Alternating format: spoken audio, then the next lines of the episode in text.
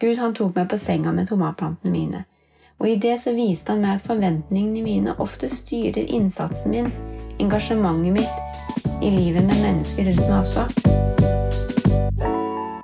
Du hører nå på Bibelkvarteret fra Sennep.nett. Bibelkvarteret er én kvarters påfyll i hverdagen fra Guds ord, både til inspirasjon og introduksjon til viktige tema i Bibelen.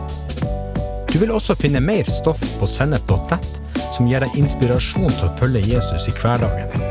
Følg oss på Facebook og Instagram, og abonner på våre podkaster i Spotify, iTunes, Google Podkast, YouTube eller i den podkastappen som du bruker.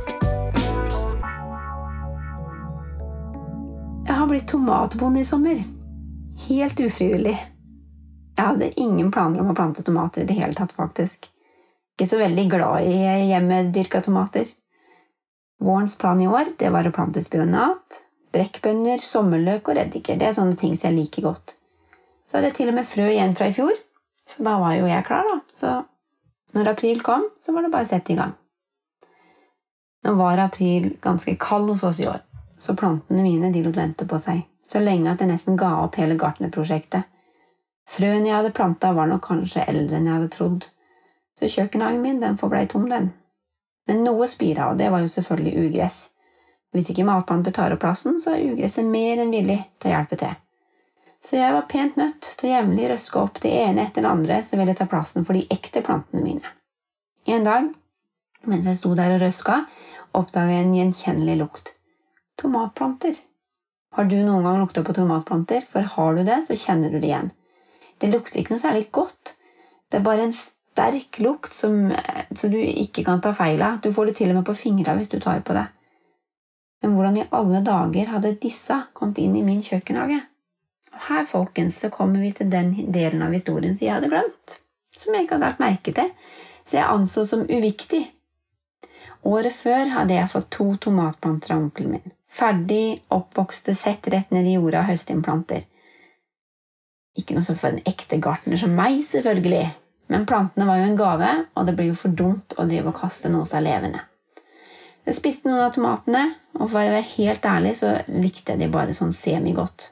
Akkurat lite nok til å ikke engasjere meg i de. Da høsten kom, så var jeg klar for bare å bli kvitt alle de halvråtne plantene. De råtne tomatene syntes jeg var så ekle å ta på, så det letteste var bare å grave de ned i jorda. Og der ble jeg tomatbonde. Helt uten mening og helt uten vilje. Og uten mitt stell, min innblanding eller min noe så helst, så gjorde Gud det bare han kan. Han ga liv. Så da jeg året etterpå begynte å lukte den typiske lukten av tomatplanter, så begynte jeg etter en god stund å lukte lunta. De ekle, råtne tomatene de var blitt til noe nytt. Ekte tomatplanter helt fra bånn. Jeg fikk litt avkastning på frøene, så jeg hadde sådd med vilje også, men jeg hadde overvurdert livskraften til de frøa. Så det blei med litt sommerløk. Tomatplantene derimot, de hadde sterkt undervurdert. Så as we speak så har jeg seks tomatplanter ute i hagen. Til og med gitt vekk to. En dag da jeg var ute i hagen, så snakka Gud til meg om tomatplantene mine. Ja, for nå er de jo selvfølgelig blitt mine, for jeg har jo planta de helt sjøl. Livet i kjøkkenhagen det består jo hovedsakelig av å så, vanne og luke. Og mens jeg jobber, så lager jeg en forventning om hva som skal komme opp. Men denne Sommeren her har jo vist meg at jeg er ikke herre over hva som vokser frem.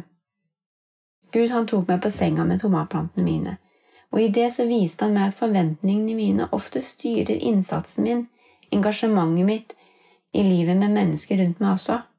Det jeg tror skal gi god høst, gir jeg oppmerksomhet og stell, og det jeg ikke har troa på, det forstår til det munkler, og så graver jeg det ned når jeg anser det så dødt. Jeg tror at Gud jobber med et litt annet perspektiv enn meg. Han har gang på gang bedt meg om å bruke tid og energi på relasjoner og mennesker og måter å gjøre ting på uten at jeg har en klar forståelse av hvor han vil, eller hva innsatsen min skal resultere i.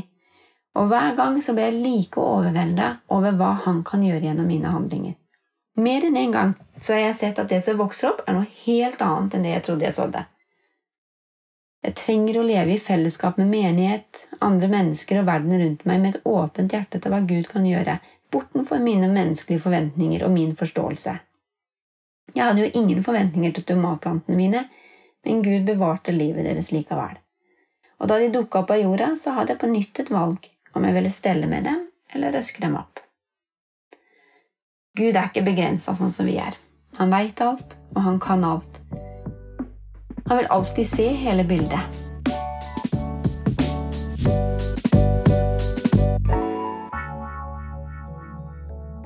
I Efeserne kapittel 3, vers 14-21 ber Paulus for menigheten i Efesos.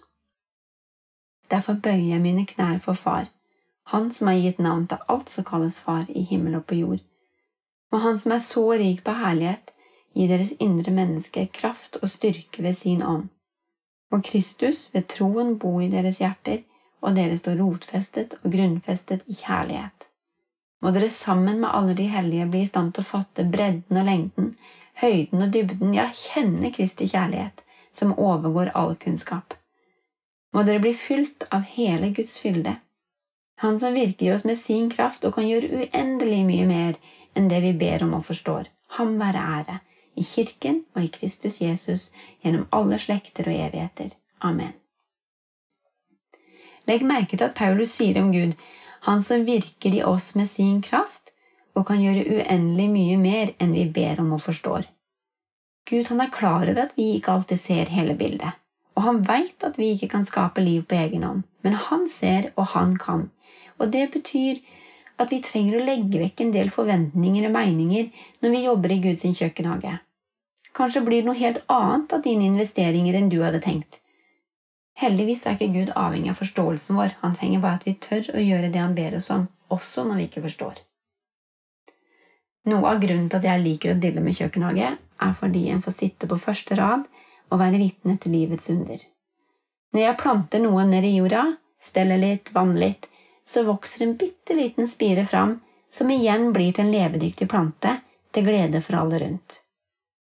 Kanskje jeg trenger å ta med noe av den gleden over små spirer og livskraft inn i livet mitt med andre mennesker.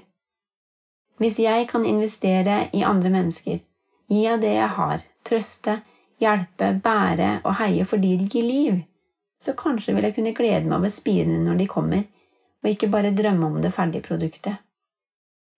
Så kan Gud få frie tøyler til å gi liv, bygge sin menighet og sitt rike på sin måte. Kjøkkenhageprosjektet mitt gikk jo ikke helt sånn som jeg hadde tenkt i år. Det blei mye bedre. Jeg blir ydmyk og awestruck over at Gud kan bruke bedet på terrassen min som klasserom, sånn at jeg kan få en større åpenbaring av Hans rike. Så liker jeg kanskje ikke tomater så godt i år heller, men det er det jo kanskje noen andre som gjør.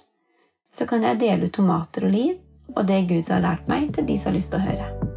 Gud er uendelig god.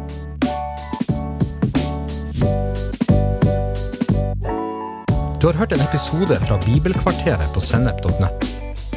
Du vil også finne mer stoff på sennep.nett som gir deg inspirasjon til å følge Jesus i hverdagen. Innholdet på Sennep er gratis og tilgjengelig for alle, takket være økonomisk støtte fra kristent nettverk, menigheter og enkeltpersoner.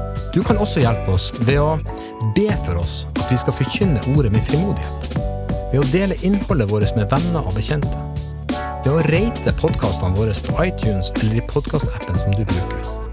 Eller ved å gi en engangsgave på VIPS, VIPS nummer 54 66 68.